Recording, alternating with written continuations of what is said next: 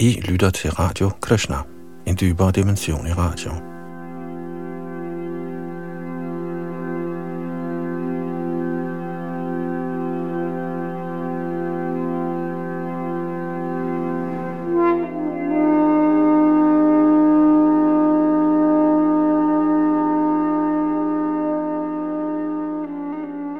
Vi skal nu til anden del af vores gennemgang af Srila Prabhupads oversættelse og kommentar af Krishnadas Kaviraj Goswamis Shri Chaitanya Charitamrit, som er det mest autoriserede værk over Chaitanya Mahaprabhus liv og lære.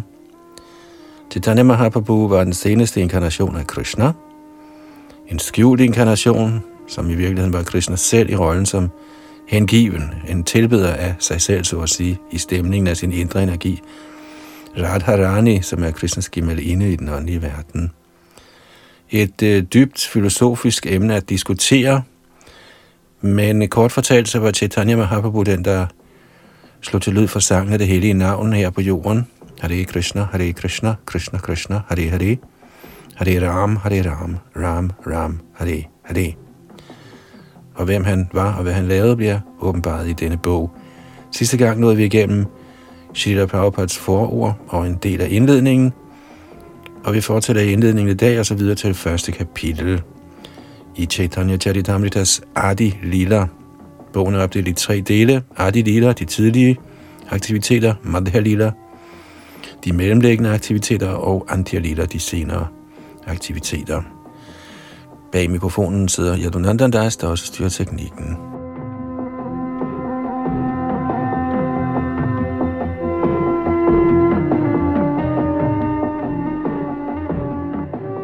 Og sidst læste vi blandt andet om den åndelige verden.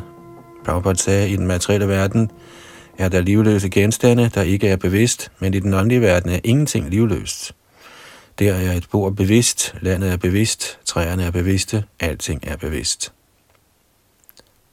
og Prabhupada fortsætter.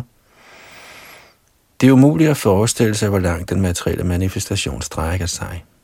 I den materielle verden bliver alting udregnet ved hjælp af indbildning, eller en eller anden mangelfuld metode, men de vediske bøger giver rigtig information om, hvad som befinder sig hinsides det materielle univers. Siden det ved hjælp af eksperimentale metoder ikke lader sig gøre at opnå information om noget, der ligger hinsides den materielle natur, kan de, som kun forlader sig på eksperimental viden, nok betvivle de vediske konklusioner, da den slags folk ikke engang kan beregne, hvor langt dette univers strækker sig. Og heller kan de komme langt ud i universet. Det, som er hinsides vor opfattelsesevne, kaldes for achintya, ufatteligt. Det nytter intet at argumentere eller spekulere over det ubegribelige. Hvis noget faktisk er ufatteligt, kan det ikke gøres til genstand for spekulation eller empirisk forskning. Vor energi er begrænset, og vores sanseopfattelse er begrænset. Derfor må vi forlade os på de vediske konklusioner, når det gælder det ufattelige. Viden om den højere natur må helt enkelt accepteres uden indvendinger – Hvordan kan man argumentere imod det, man ikke har nogen adgang til? Metoden til forståelse af det transcendentale emne bliver givet af Herren selv i Bhagavad Gita, hvor Krishna i begyndelsen af 4. kapitel fortæller Arjuna, Imang vivasvate yogang proktavana hamavyayam vivasvan manave praha manurikshvaka vebravit. Jeg underviste Vivasvan, solguden, i denne uforgængelige yoga-videnskab, og vi gav den videre til Mono, menneskehedens fader, og Mono på sin side gav den til Ikshvaku. Fra Bhagavad Gita's 4. kapitels første vers. Det er metoden af Parampara, eller disciplerækken. Ligeledes forklarer Srimad Bhagavatam, at Krishna indgød viden i hjertet på Brahma, universets først skabte levende væsen. Brahma videregav denne undervisning til Narad, og Narad bibragte sin disciple Vyasadev den samme viden. Vyasadev gav den til Madhvacharya, og fra Madhvacharya kom denne viden ned til Madhavendra Puri, og herefter til Ishvara Puri, og fra ham til Chaitanya Mahaprabhu.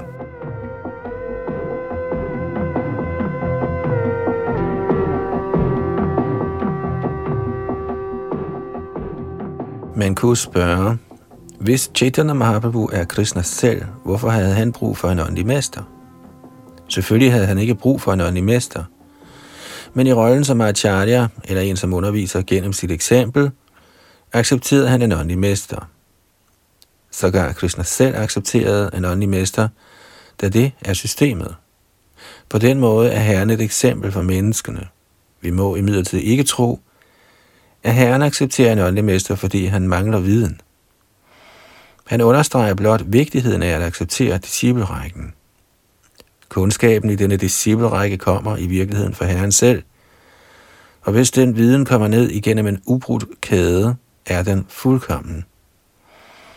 Selvom vi ikke er i forbindelse med den oprindelige person, der først gav den viden, kan vi få den samme viden gennem overlevering. Srimad Bhagavat udtaler, at Krishna, den absolute sandhed, guddommens person, indgød Brahmas hjerte transcendental viden. Det er således en måde, viden kan modtages på gennem hjertet. Således er der to metoder, hvormed man kan få viden. Den ene afhænger direkte af guddommens højeste person, der eksisterer i skikkelse af oversjælen i det indre af hjertet på alle levende væsener. Og den anden metode afhænger af guruen, eller den åndelige mester, der er en udvidelse af Krishna. Således videregiver Krishna information både indenfra og udefra. Vi skal blot tage imod den. Modtager man viden på den måde, er det lige meget, om den er ubegribelig eller ej.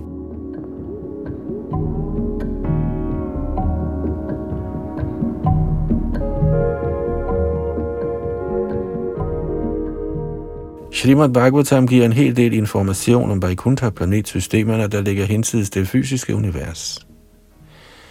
Ligeledes bliver en hel del ubegribelig information givet i Chaitanya Charitamrit. Et hvert forsøg på at nå frem til denne viden gennem eksperimental viden vil mislykkes. Denne viden må helt enkelt accepteres. Ifølge den vediske metode bliver shabda, eller transcendental lyd, betragtet som bevis. Lyd er meget vigtig i den vediske forståelse, da den, så frem den er ren, accepteres som autoritativ. Særligt i den materielle verden accepterer vi en god del information, der bliver sendt over i tusindvis af kilometer gennem telefon eller radio. På den måde accepterer vi lyd som bevis i vores daglige liv. Selvom vi ikke kan se taleren, accepterer vi informationen som gyldig på basis af lyd. Således er lyd af stor betydning i overleveringen af vedisk viden.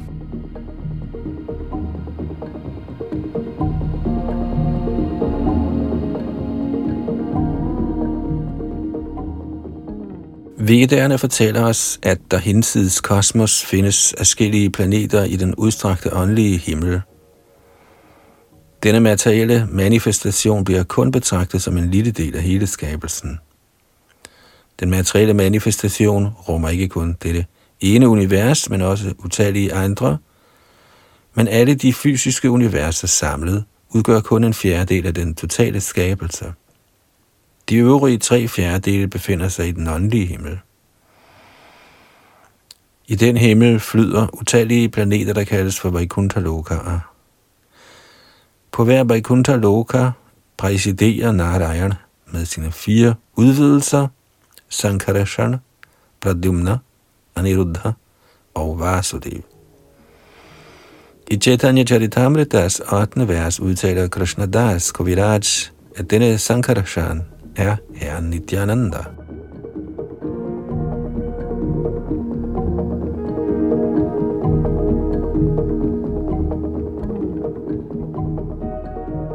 Som før sagt bliver de materielle universer bragt til manifestation af Herren i skikkelse af Mahavishnu.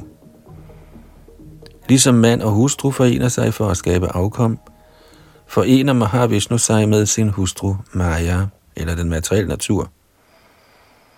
Dette bliver bekræftet i Bhagavad Gita, hvor Krishna udtaler, Sarvajonishu Kaunteya Murtaya Sambhavandiyaha Tasang Brahma Mahadjo Nirhang Bidya Pradapita det skal forstås, at alle arter af liv, også af det, muliggøres ved fødsel i denne materielle natur, samt at jeg er den frøgivende fader. Fra 14. kapitels tekst 4. Vishnu befrugter Maya, den materielle natur, ved blot at kaste sit blik på hende. Det er den åndelige metode. Materielt er vi begrænset til udelukkende at kunne befrugte med en bestemt del af vores krop, men den højeste herre, Krishna eller Mahavishnu, kan befrugte med en hvilken som helst lægemsdel. Ved sit blotte blik kan Herren undfange utallige levende væsener i den materielle naturs moderskød. Brahma Samhita bestyrker, at den højeste herres åndelige krop er så mægtig, at en hvilken som helst del af hans krop kan udføre funktionerne af en hvilken som helst anden del. Vi kan berøre med hånden eller huden, men Krishna kan berøre alene med sit blik. Vi kan kun se med øjnene. Vi kan ikke bruge dem til at berøre eller lugte med. Krishna er imidlertid i stand til at lugte og spise med sine øjne.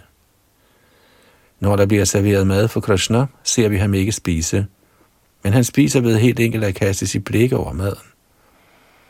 Vi kan ikke forestille os, hvordan ting fungerer i den åndelige verden, hvor alting er åndeligt. Det skal ikke forstås derhen, at Krishna ikke spiser, eller at vi forestiller os, at han spiser. Han spiser faktisk, men hans spisning er anderledes end vor. Vores måde at spise på vil ligne hans, når vi er helt på det åndelige plan. På det plan kan enhver del af kroppen handle på vegne af en hvilken som helst anden del.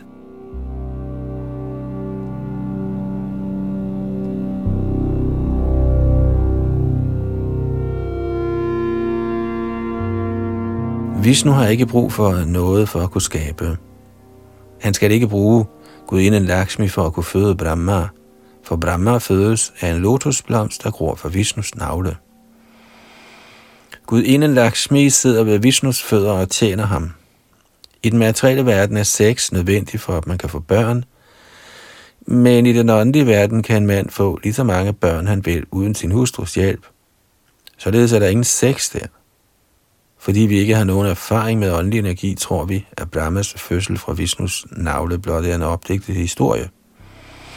Vi er ikke klar over, at den åndelige energi er så mægtig, at den kan gøre hvad som helst. Den materielle energi er afhængig af bestemte love, men den åndelige energi er helt uafhængig.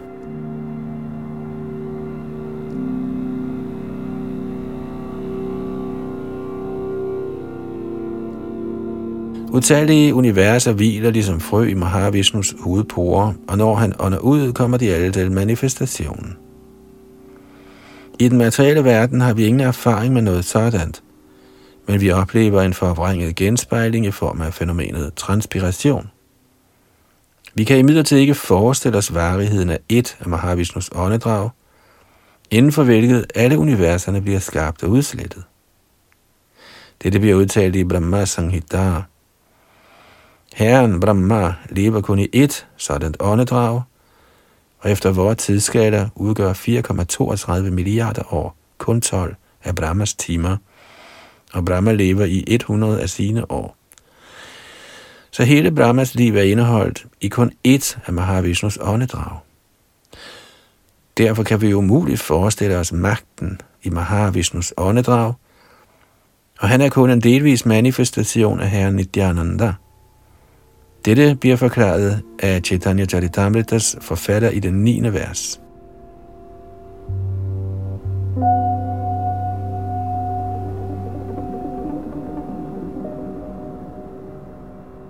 I 10. og 11. vers beskriver Krishna Das Kaviraj Garbhodakashai Vishnu og Kshirodakashai Vishnu, der er på hinanden følgende fuldstændige udvidelser af Mahavishnu. Brahma fremkommer på en lotus, der gror fra Garbhodakasha i Vishnus navle, og inde i stilken på den lotus eksisterer mange planetsystemer. Så skaber Brahma hele menneskesamfundet, dyreriget, alting. Kshirodakashai Vishnu ligger i Mælkehavet, der eksisterer inde i dette univers, som han styrer og opretholder. Således er Brahma skaberen, Vishnu er opretholderen, og når tiden for tilintetgørelse kommer, ødelægger Shiva det hele.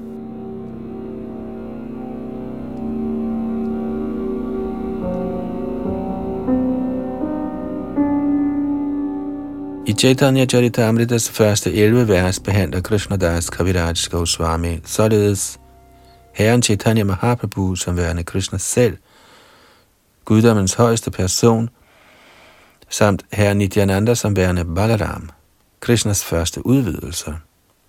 Og så beskriver han i det 12. og det 13. vers Advaita Acharya, som er endnu en af herren Chaitanya Mahaprabhus vigtigste omgangsfælder og en inkarnation af Mahavishnu. Således er Advaita Acharya også herren, eller mere specifikt en af herrens udvidelser. Ordet Advaita betyder ikke dualistisk, og han bærer det navn, fordi han er ikke forskellig fra den højeste herre. Han kaldes også for Acharya, lærer, fordi han udbredte Krishna bevidsthed. I den forstand er han nøjagtig ligesom Chaitanya Mahaprabhu. Selvom herren Chaitanya er Shri Krishna i egen høje person, fremkom han i skikkelse af en hengiven med henblik på at undervise den brede befolkning i, hvordan man elsker Krishna. Og ligeledes, selvom Advaita Acharya er herren, fremkom han blot i den hensigt at udbrede kundskaben om Krishna bevidsthed. Således er også han herren inkarneret som hengiven.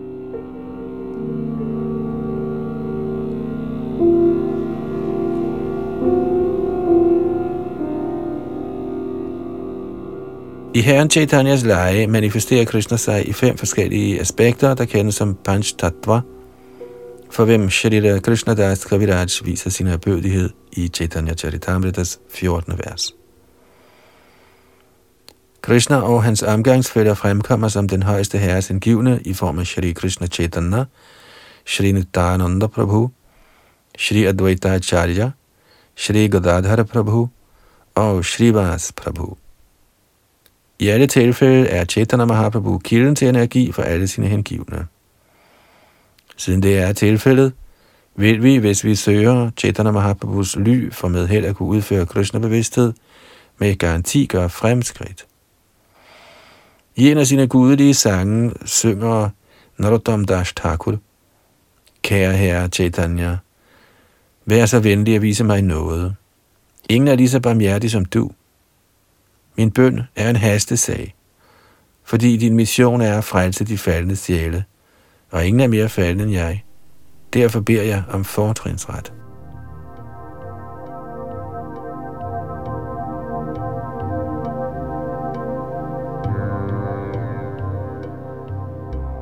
Med det 15. vers begynder Krishnadas Kaviraj Goswami at vise sin erbødige respekt direkte for Krishna selv. Krishnadas Kaviraj var indbygger i Vrindavan og en stor hengiven. Han havde boet sammen med sin familie i Katwa, som er en lille by i Bengalens Bordwan-distrikt. Han tilbad Radha Krishna sammen med familien, og en gang, da der var opstået en misforståelse i familien omkring hengiven tjeneste, rådede Nityananda Prabhu ham i en drøm til at forlade hjemmet og tage til Vrindavan. Selvom han var gammel, begav han sig samme nat afsted for at leve i Vrindavan. Her stødte han på nogle af Goswamierne, der var blandt Chaitanya Mahaprabhus førende disciple. Af de hengivne i Vrindavan blev han anmodet om at skrive Chaitanya Charitamrit. Selvom han begyndte på sit arbejde i en meget høj alder, fik han ved herren Chaitanyas nåde afsluttet opgaven. Endnu den dag i dag bliver den betragtet som den allermest autoritative bog over Chaitanya Mahaprabhus filosofi og liv.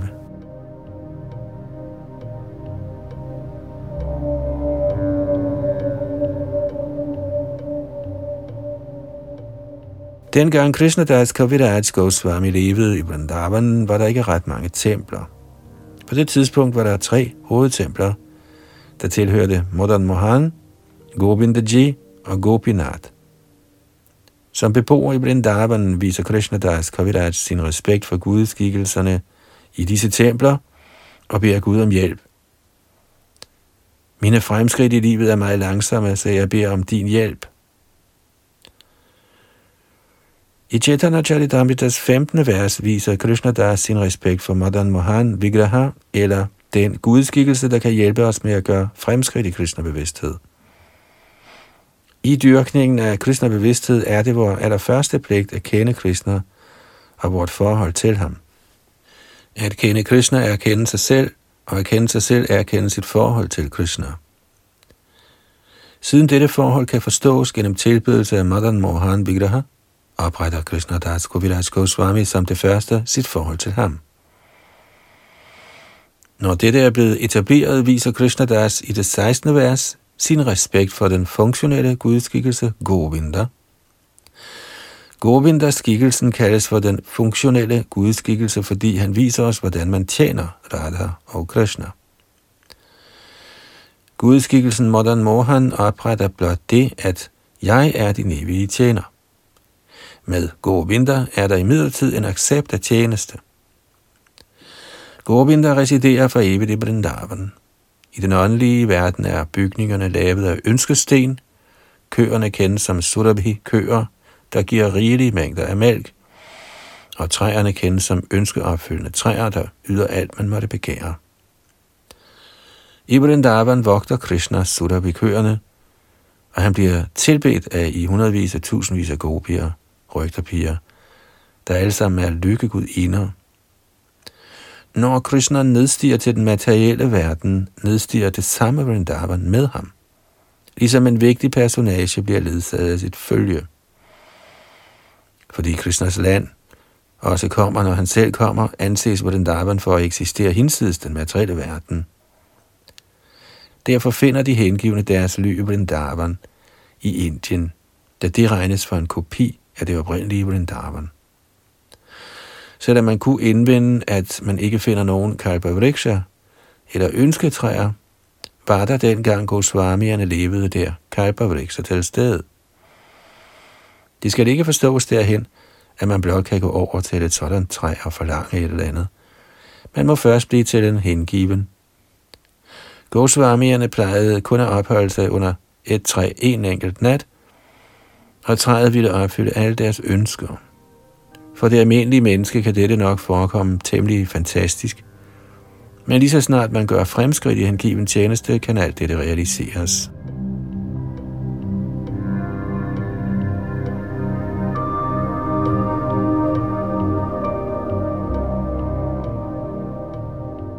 Vrindavan bliver faktisk erfaret, som det er, af personer, som er ophørt med at søge nydelse gennem materielle glæder. Hvornår bliver mit sind fri for alt længsel efter materiel nydelse, således at jeg kan se Vrindavan, spørger en stor hengiven. Jo mere Krishna bevidste vi bliver, og jo mere vi gør fremskridt, jo mere bliver alting åbenbaret som værende åndeligt. Således anså Krishna Das Koviraj Goswami, at Indiens Vrindavan var på højde med Vrindavan i den åndelige verden. Og i det 16. vers i Chaitanya Charitamrit beskriver han Radharani og Krishna som siddende under et ønskeopfyldende træ i Vrindavan på en trone, der er prydet med kostbare juveler. Her gør Krishnas elskede gopi veninder tjeneste for Radha og Krishna med sang og dans, og ved at servere betelnødder og forfriskninger samt ved at dekorere deres excellencer med blomster. Selv den dag i dag pynter folk i Indien gyngende troner og genskaber denne scene i måneden, der falder mellem juli og august. På det tidspunkt tager folk generelt til Vrindavan for at vise respekt for gudskikkelserne der.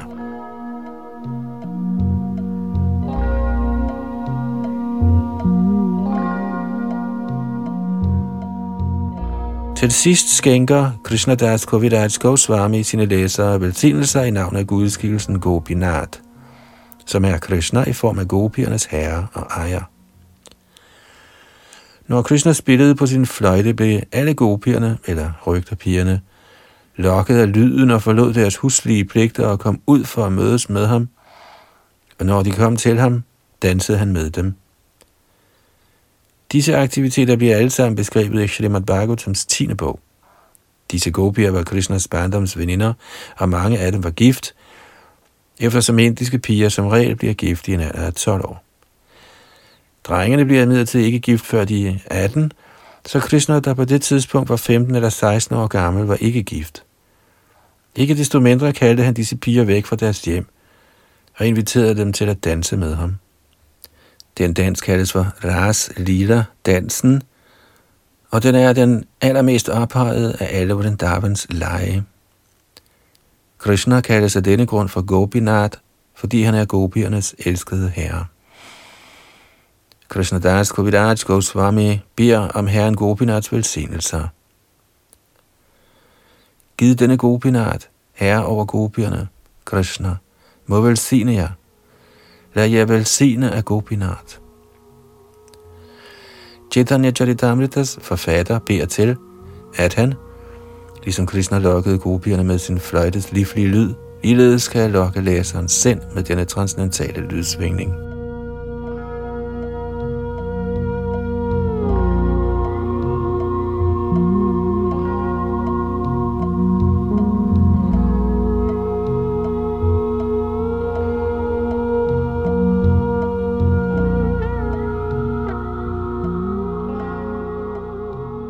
Og så skal vi til første kapitel.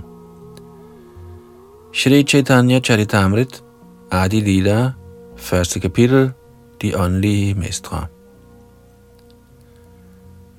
Og før selve det første vers giver Shalila Prabhupada følgende indledning til kapitlet.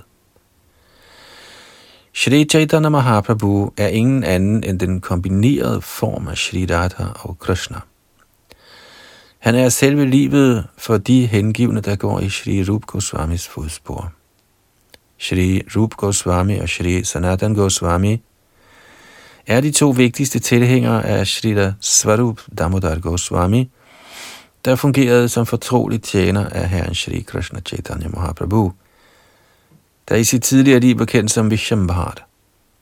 En direkte disciple af Shri Rup Goswami var Shri Raghunath Das Goswami. Shri Chaitanya Charitamritas forfatter Shri Krishnadas Kaviraj Goswami var direkte disciple af Shri Rup Goswami og Shri Raghunath Das Goswami. Shri Krishnadas Kaviraj Goswamis direkte disciple var Shri Narottam Das Thakur, der tog Shri Vishwanath Chakravarti som sin tjener. Shri Vishwanath Chakravarti Thakur accepterede Shri Jagannath Das Babaji der var åndelig mester til Shri Bhaktivinoda Thakur, der på sin side accepterede Shri Gaurkishore Das Babaji, åndelige mester til Om Vishnupad, Shri Bhakti Siddhanta Saraswati Goswami Maharaj, hvor ringheds guddommelige åndelige mester.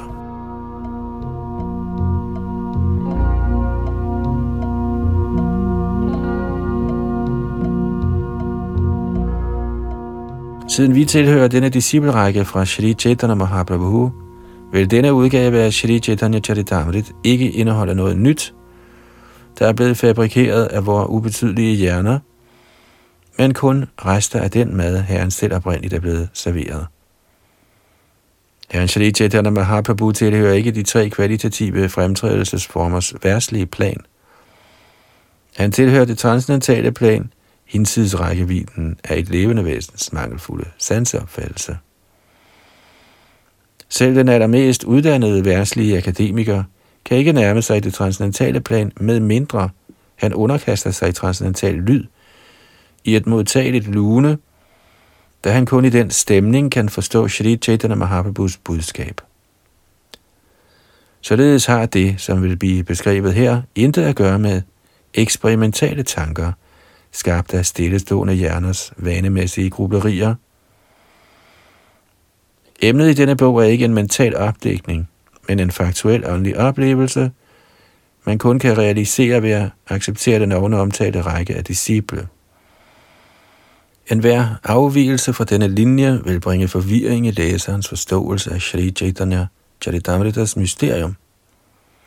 Shri Chaitanya Charitamrit er en transcendental bog, tiltænkt som videregående studium for den, som er nået til en forståelse af al vedisk litteratur – såsom Upanishader og Vedanta Sutra, til lige med disses naturlige kommentarer, såsom Srimad Bhagavatam og Bhagavad Gita.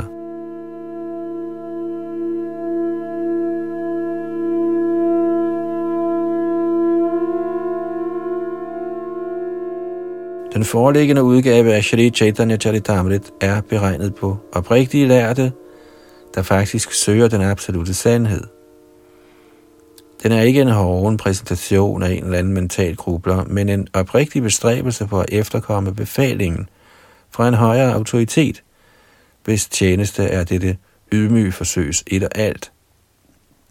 Den afviger end ikke det mindste fra de åbenbarede skrifter, og derfor vil den hver, der følger denne linje af disciple, sættes i stand til at realisere essensen i denne bog, blot ved metoden af modtagelse af lyd.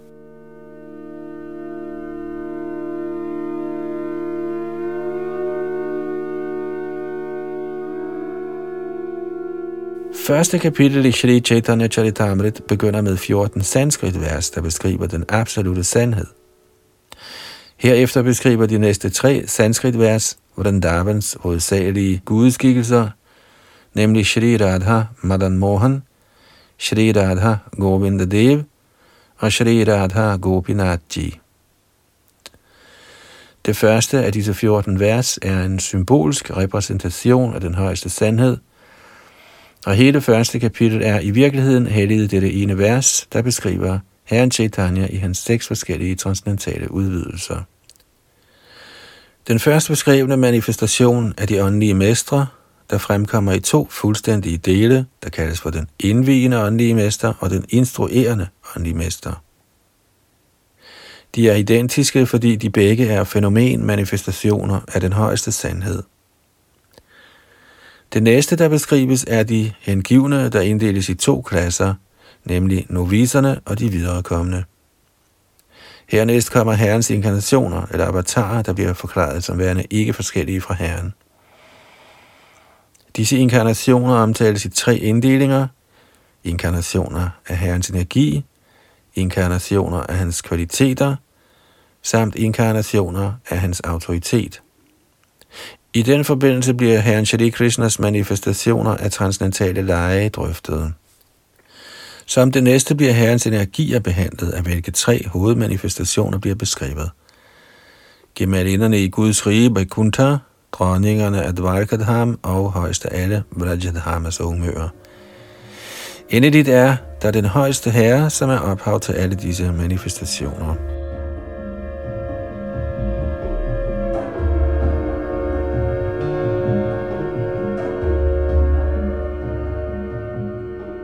Herren Shri Krishna og hans fuldstændige udvidelser er alle sammen i Herrens egen kategori, den energiske absolute sandhed, hvorimod hans hengivne eller hans evige omgangsfælder er hans energier.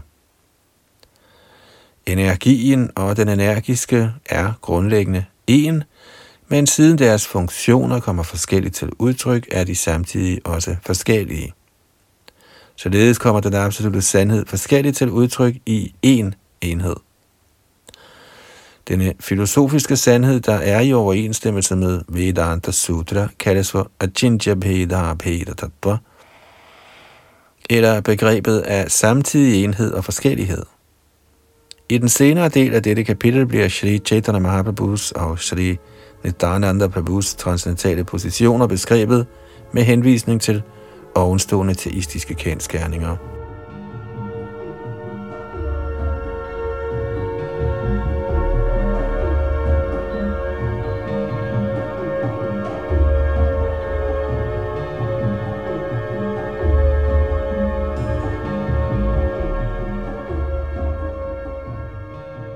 Første vers.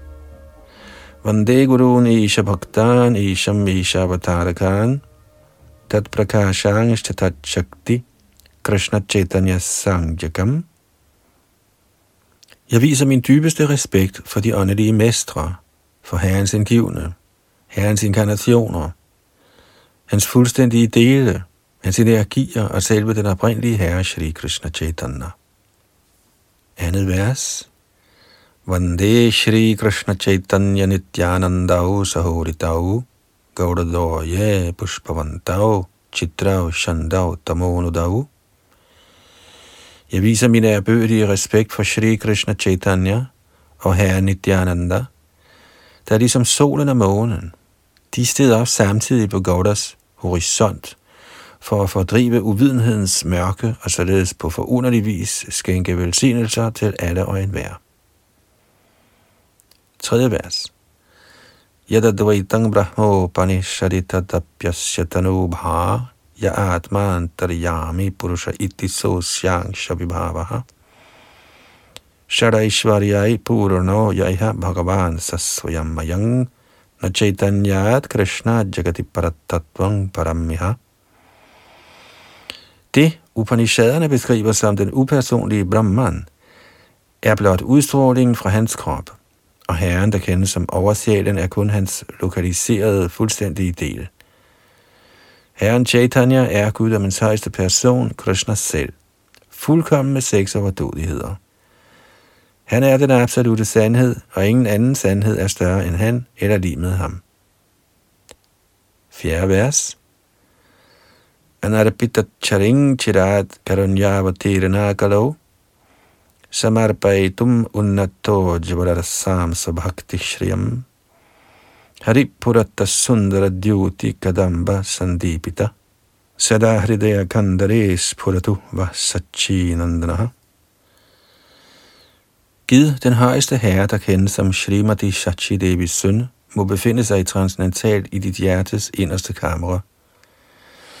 Stråle med glansen af smeltet guld har han vist sig i Kalis tidsalder ved sin uopfordrede barmhjertighed for at skænke det, ingen anden inkarnation nogensinde har givet. Den allermest sublime og strålende stemning af hengiven tjeneste, den ægteskabelige kærlighedsstemning.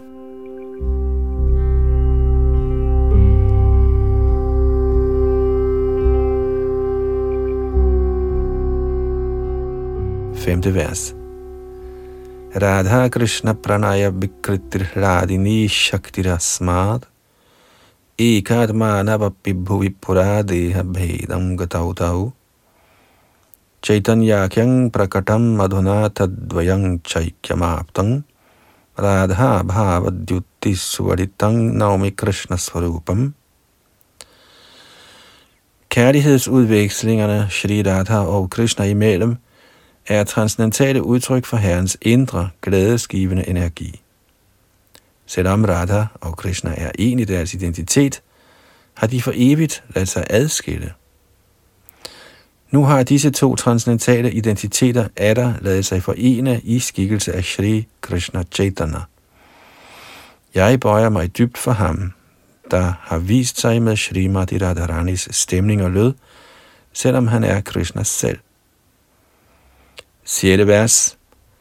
Shri Radhaya Pranaya Mahima Kidrisho Banayaiva Svadyo Yena Dabhutam Madhurima Kidrisho Vamadiyaha Saukyam Chasyam Madanubhavata Kidrishang lobhat Tadbhavadya Samajjanishachi Garba Sindhav Harinduhu fordi han ønskede at forstå herligheden ved Radharanis kærlighed, de vidunderlige kvaliteter i ham, som kun hun smager gennem sin kærlighed, samt den lykke, hun føler, når hun oplever hans kærligheds sødme, viste den højeste herre Hari, beriget med hendes følelser, sig fra Srimati Shachi Devis moderliv, ligesom månen stiger op af oceanet.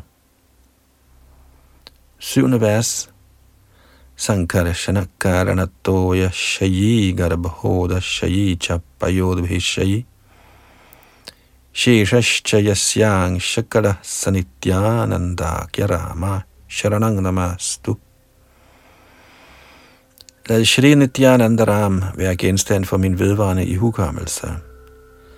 Sankarashan, Sheshnag, samt de visnuer, der ligger i Karana-oceanet, Garbha-oceanet og oceanet af mælk, er hans fuldstændige dele samt dele af hans fuldstændige dele.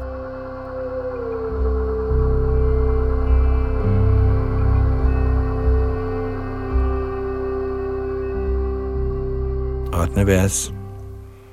Maya titi vyapi vaikuntha loke puranaishwariye shri chaturvyuha madhe rupang yasyod bhati sankarashanakyang tang shri nityanandaramang prapadye. Jeg overgiver mig til lotusfødderne på Shri Nityanandaram, der kendes som Sankarashan midt i Chaturvyuha, bestående af Vasudev, Sankarashan, Pradyumna og Aniruddha. Han besidder fuldstændig overdådigheder og residerer i Vaikuntha-lok, langt hinsides den materielle skabelse. 9. vers.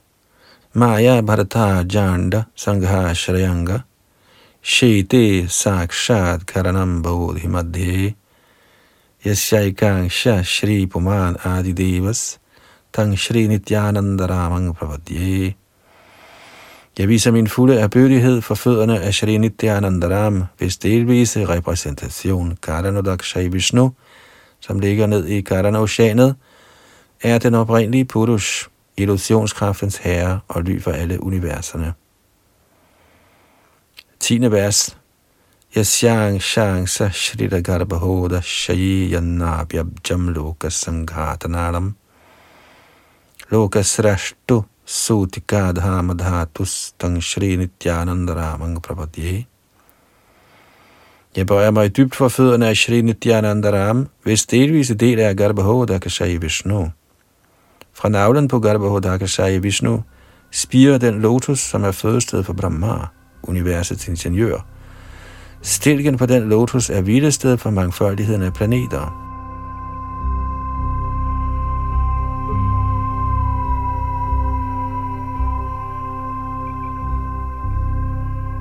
11. vers.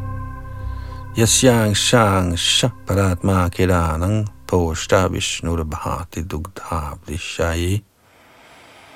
Shauni bharata yat kala sopyanantas tang shri nityanandaramang prapadye Jeg viser min fulde respekt for fødderne af Shri Nityanandaram, ved sekundær del af den Vishnu, der ligger i Mælkehavet.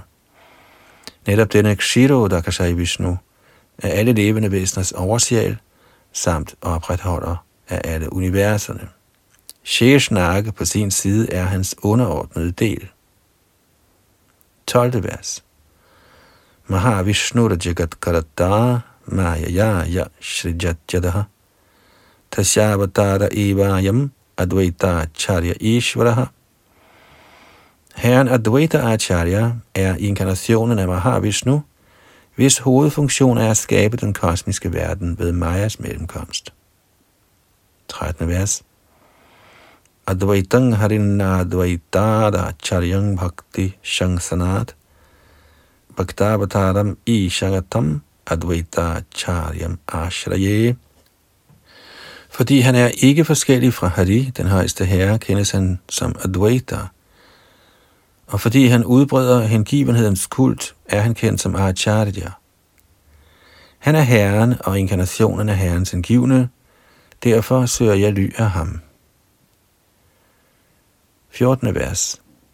Panchatatvatmakang krishnang bhaktarupa sarupakam bhaktavatarang bhaktyakyang namami bhakta shaktikam. Jeg viser min erbødighed for den højeste herre, Krishna, der er ikke forskellig fra sine aspekter som hengiven, hengiven inkarnation, hengiven manifestation, ren hengiven og hengiven energi.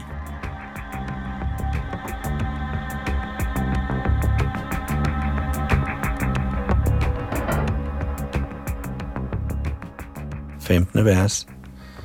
Jayatang suratau pangor mama mandara matirgati Matsarvasvadam bhojau radha madana mohanau. Alt hedder og pris til de barmhjertige Radha og Madan Mohan. Jeg er lam og uforstandig, og alligevel er de mine vejledere, og deres lotusfødder er mit et og alt. 16. vers. Divyad vrindaranya kalpadrumadaha Shrimad Ratnangara Singhasanasthav Shrimad Radha Shrida Govinda Devav Pashtari Bhi Sevyamanav Smarami I et tempel af juveler i Vrindavan, nedenunder et ønsketræ, sidder Shri Shri Radha Govinda på en strålende trone. Og de tjenes af deres fortrolige omgangsfælder. Jeg viser dem min ydmyge respekt. 17. vers. Shriman Rasarasaram Bhi Vangshivarta Tatta Karashana Veno Svanaira Gopir Gopinatha Shri Estunaha Shri Shrila Gopinath, i hvem rasedansens stemning har sit ophav, står på brødene i Vangshivat og tiltrækker sig rygterpigernes opmærksomhed med lyden af sin berømte fløjte. Lad dem alle sammen skænke os deres velsignelser.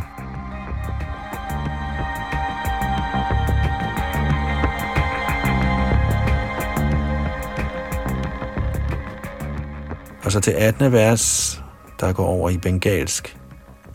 Joy Joy Shri Chaitanya Joy Nityananda Joy Advaita Chandra Jai Gaura Bhakta Vrinda. Ære være Shri Chaitanya og Nityananda. Ære være Advaita Chandra. Og ære være alle hengivne af Shri Gaura, Herren Chaitanya. 19. vers. Etina Thakura Gaudiya ke Kuriya Chena Atmasat.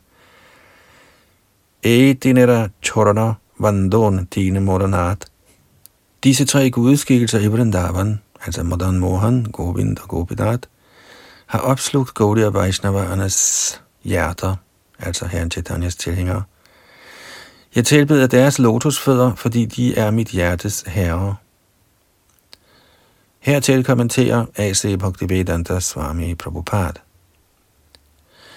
Shri Chaitanya Charitamrita forfatter viser sin erbødige hyldest for Vrindavans tre gudskikkelser, der hedder Shri Radha Madan Mohan, Shri Radha Govinda Dev og Shri Radha Gopinathji.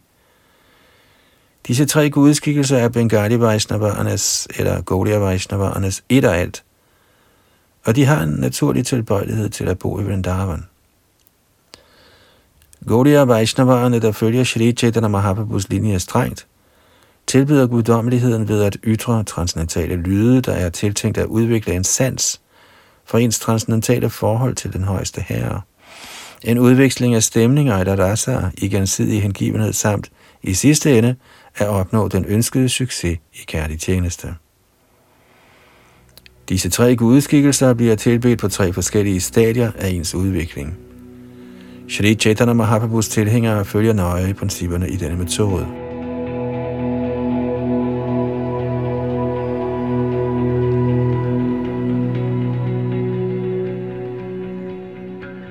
Gaudiya Vaishnava opfatter den endelige genstand i den vediske hymne bestående af 18 transcendentale stavelser, der tilbeder Krishna som Madan Mohan, Govinda og Gopijana Vallabha. Madan Mohan er han, som siamerer amor, kærlighedsguden. Govinda er han, som behager sanserne og køerne, og Gopijana Vallabha er gopiernes transcendentale elsker. Krishna kaldes selv for Madan Mohan, Govinda, Gopijana Vallabha, og har utallige andre navne, mens han udfører sine forskellige lege sammen med sine hengivne. De tre gudskikkelser, Madan Mohan, Govinda og Gopi Janavallabha, har meget specifikke kvaliteter. Tilbedelse af Madan Mohan foregår på planet af genoprettelse af vores tabte forhold til guddommens person. I den materielle verden befinder vi os for nærværende i komplet uvidenhed om vort evige forhold til den højeste herre. Pango henviser til den, som ikke uafhængigt kan bevæge sig af egen kraft. Og Mandamade er den, som er mindre forstandig, fordi han er alt for fordybet i materialistiske aktiviteter. Det er bedst for sådanne personer ikke at hige efter fremgang i frugtbærende arbejde eller mental spekulation, men snarere blot overgive sig til guddommens højeste person. Livets fuldendelse er blot at overgive sig til den højeste. I begyndelsen af vort åndelige liv må vi derfor tilbede Modern Mohan, således at han kan tiltrække os og ophæve vores forkærlighed for materiel sansenydelse.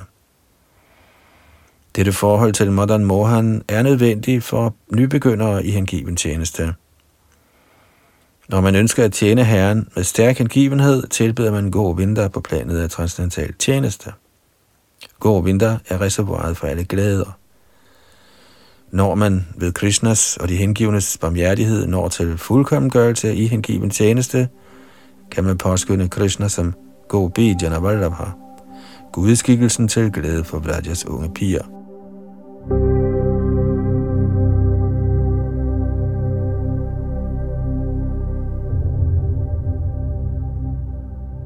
Herren Shri Chaitanya Mahaprabhu forklarede denne slags hengiven tjeneste i tre stadier, og således blev disse erhverdige gudeskikkelser installeret i Vrindavan af forskellige Goswamier.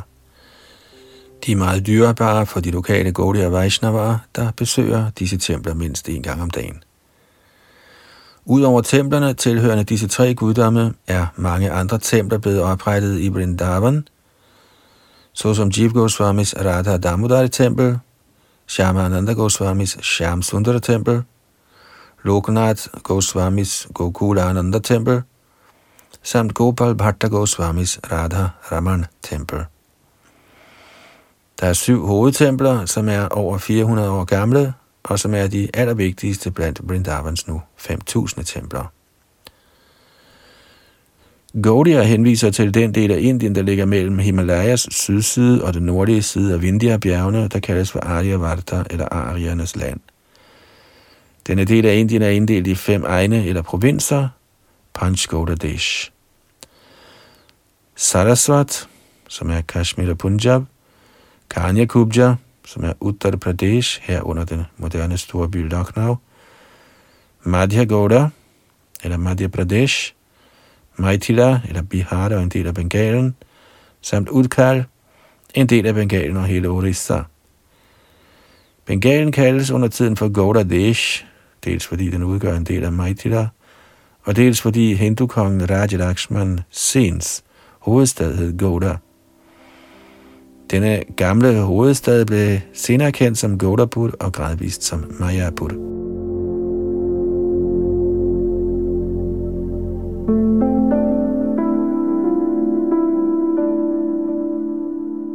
De hengivne fra Orissa kaldes for Udiaer, de bengalske hengivne kaldes for Gaudiaer, og de sydindiske hengivne kaldes for Dravida hengivne.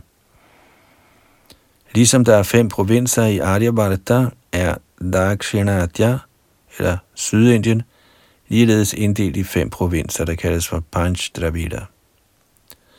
De fire Vaishnava Acharyaer, der er store autoriteter i de fire Vaishnava disciplerækker, såvel som Majabad-skolens Shripad Shankaracharya, fremkom i Panch Dravidas provinser.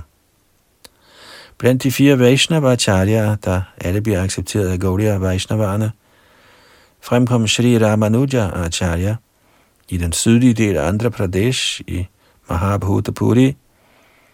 Sri Madhva Acharya fremkom i Panchakam, tæt på Vimangiri, i Mangalores distrikt. Shri Vishnu Swami fremkom i Pandya, og Shri Nimbarka fremkom i Mungera Patan i den aller sydligste del.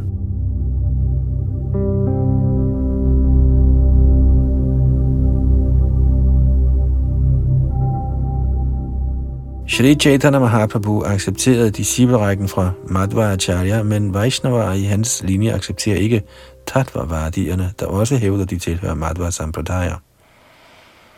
For at holde sig tydeligt adskilt fra Tatvavadi, grenen af Madhvas efterkommere, foretrækker de bengalske Vaishnava at kalde sig selv for Gaudiya Vaishnava.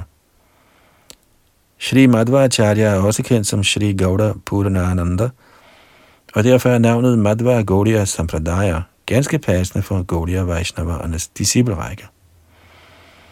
Vor egen åndelige mester, Om Vishnupad Srimad Bhaktisiddhanta Saraswati Goswami Maharaj, lod sig indvi i Madhva Gaudiya Sampradaya.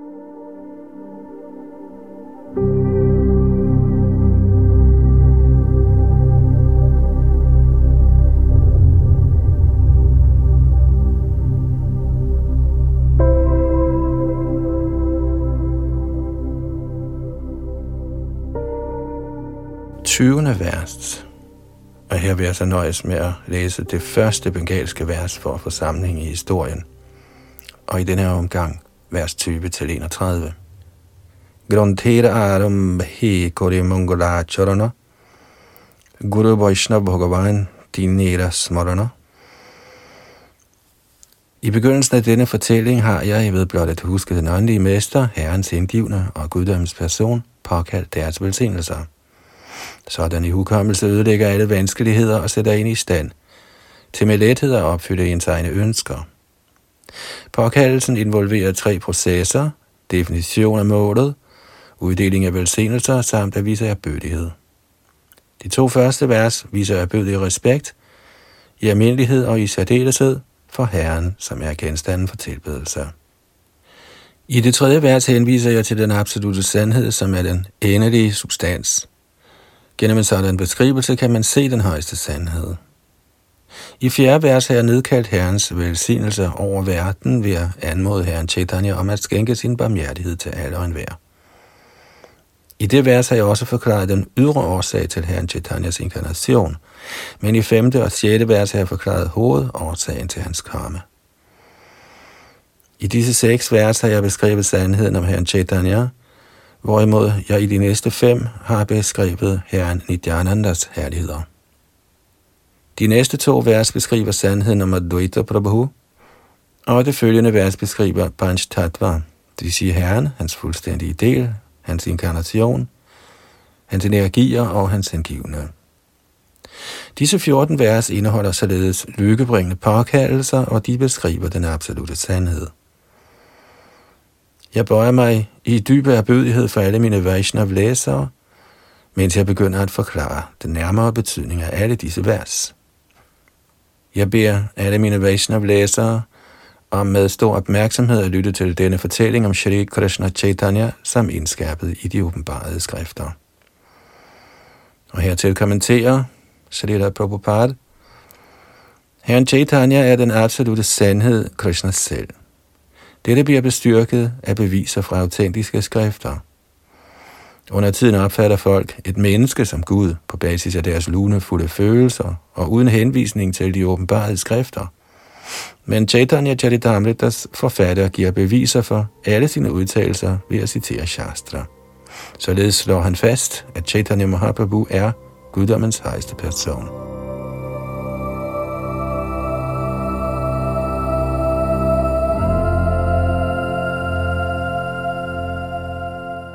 Og så vers 32 og 33. Krishna Guru Bhakta Shakti Avatar Prakash Krishna Ae Choi Rupe Gurane Vilas Herren Krishna nyder ved at lade sig manifestere som de åndelige mestre, de hengivne, de mange energier, inkarnationerne samt de fuldstændige dele. De er alle sammen seks i en. Derfor tilbyder jeg lotusfødderne på disse seks forskellige aspekter af sandheden ved at påkalde deres velsignelser. Og så til vers 34, som er en gentagelse af det første vers, samt en forklaring og selvfølgelig også en kommentar givet af Prabhupada. Og det er sanskrit. Vande Guru Nisha Bhaktan Isha Misha Avatarakan Tat Prakashang Chatat Shakti Krishna Chaitanya Sangyakam. Jeg viser min dybeste respekt for de åndelige mestre, for Herrens indgivende, Herrens inkarnationer, hans fuldstændige dele, hans energier og selve den oprindelige Herre, Shri Krishna Chaitanya. Kommentar Krishnadas Kaviraj Goswami har forfattet dette sanskrit-vers til begyndelsen af sin bog, og han vil nu forklare det i detaljer. Han viser den absolute sandheds seks principper sin erbødige respekt. Guruen er i flertalsformen, fordi enhver, som giver åndelige instruktioner, der baserer sig på de åbenbare skrifter, skal accepteres som en åndelig mester. Selvom andre yder hjælp ved at vise noviserne vejen, skal den guru, der først indviger en med Mahamantraet, kendes som den indvigende, og de helgener, som giver instruktioner med henblik på faktuelle fremskridt i Krishna-bevidsthed, kaldes for undervisende eller instruerende åndelige mestre. De indvigende og undervisende åndelige mester er ligestillede og identiske manifestationer af Krishna, selvom de handler forskelligt. Deres funktion er at vejlede de betingede sjæle hjem til Gud igen – Derfor accepterede Krishnadas Kaviraj Goswami Nityananda Prabhu og de seks Goswamier i Guruens kategori. Isha Bhaktan henviser til herrens hengivne såsom Shri Shri Vas og andre sådanne tilhængere, der er herrens energi og kvalitativt ikke forskellige fra ham. Isha Khan henviser til Acharya såsom Advaita Prabhu, som er en avatar af herren. Tataprakashan peger på guddommens højeste persons direkte manifestation i Dhananda Prabhu og den indvigende åndelige mester. Tat Shakti henviser til Shri Chaitanya Mahaprabhus åndelige energier eller Shaktier. Godadhar, Damodar og Jogadananda hører til denne kategori af indre energi. De seks principper kommer forskelligt til udtryk, men er alle sammen ligeligt tilbedelsesværdige. Krishnadas Kovidas begynder med at vise dem sin erbødige hyldest for at lære os, hvordan man tilbeder Herren Chaitanya. Guddommens ydre energi, der kaldes for Maya, kan aldrig omgås Herren, ligesom mørke ikke kan forblive i tilstedeværelse af lys. Og alligevel har mørket, i det det kun er en illusorisk og midlertidig tildækning af lys, ingen eksistens uafhængig af lyset.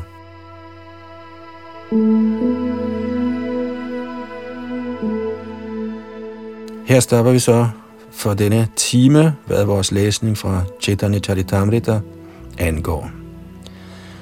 Og i næste ombæring skal vi høre Krishnadas' forklaring til dette vers, og også en lang og udtømmende kommentar af Srila Prabhupada. Men det bliver altså næste ombæring. Indtil videre var det Yadunandandas bag mikrofon og teknik.